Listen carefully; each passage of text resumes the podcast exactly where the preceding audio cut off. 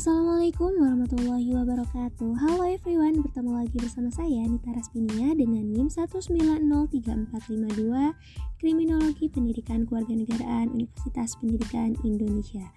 Baiklah teman-teman, pada podcast kali ini dibuat dalam rangka memenuhi tugas mata kuliah kriminologi Departemen Pendidikan Kewarganegaraan Universitas Pendidikan Indonesia yaitu dengan memberikan tanggapan atas pemaparan dan sesi diskusi dari kelompok 7.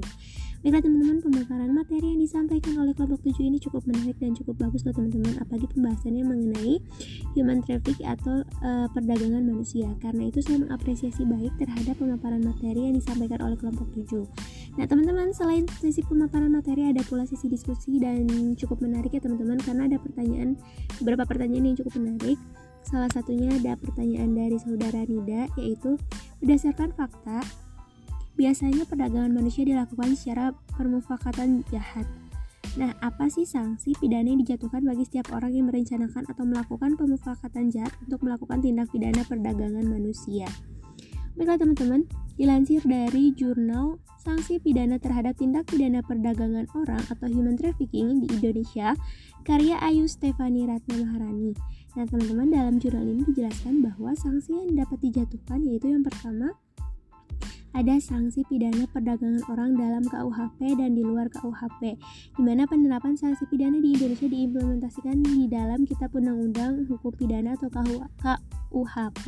Penjatuhan sanksi pidana terhadap tindak perdagangan orang dalam KUHP diatur dalam buku 2 pasal 295 ayat 1, angka 1 dan angka 2 pasal 295 ayat 2, pasal 296, pasal 297, pasal 298 ayat 1, 2 dan pasal 506 di mana di antaranya adalah dengan sengaja menyebabkan atau memudahkan perbuatan cabul yang korbannya anak dan anak-anak di bawah pengawasan. Perbuatan yang sama tapi untuk orang dewasa, memperniagakan perempuan dan anak laki-laki. Nah, ada pun hukuman tambahan di antaranya ada pencabutan hak seperti hak asuh untuk perilaku korban yang korbannya adalah anaknya sendiri, lalu pemecatan dari pekerjaan kalau kejahatan dilakukan dalam pekerjaan.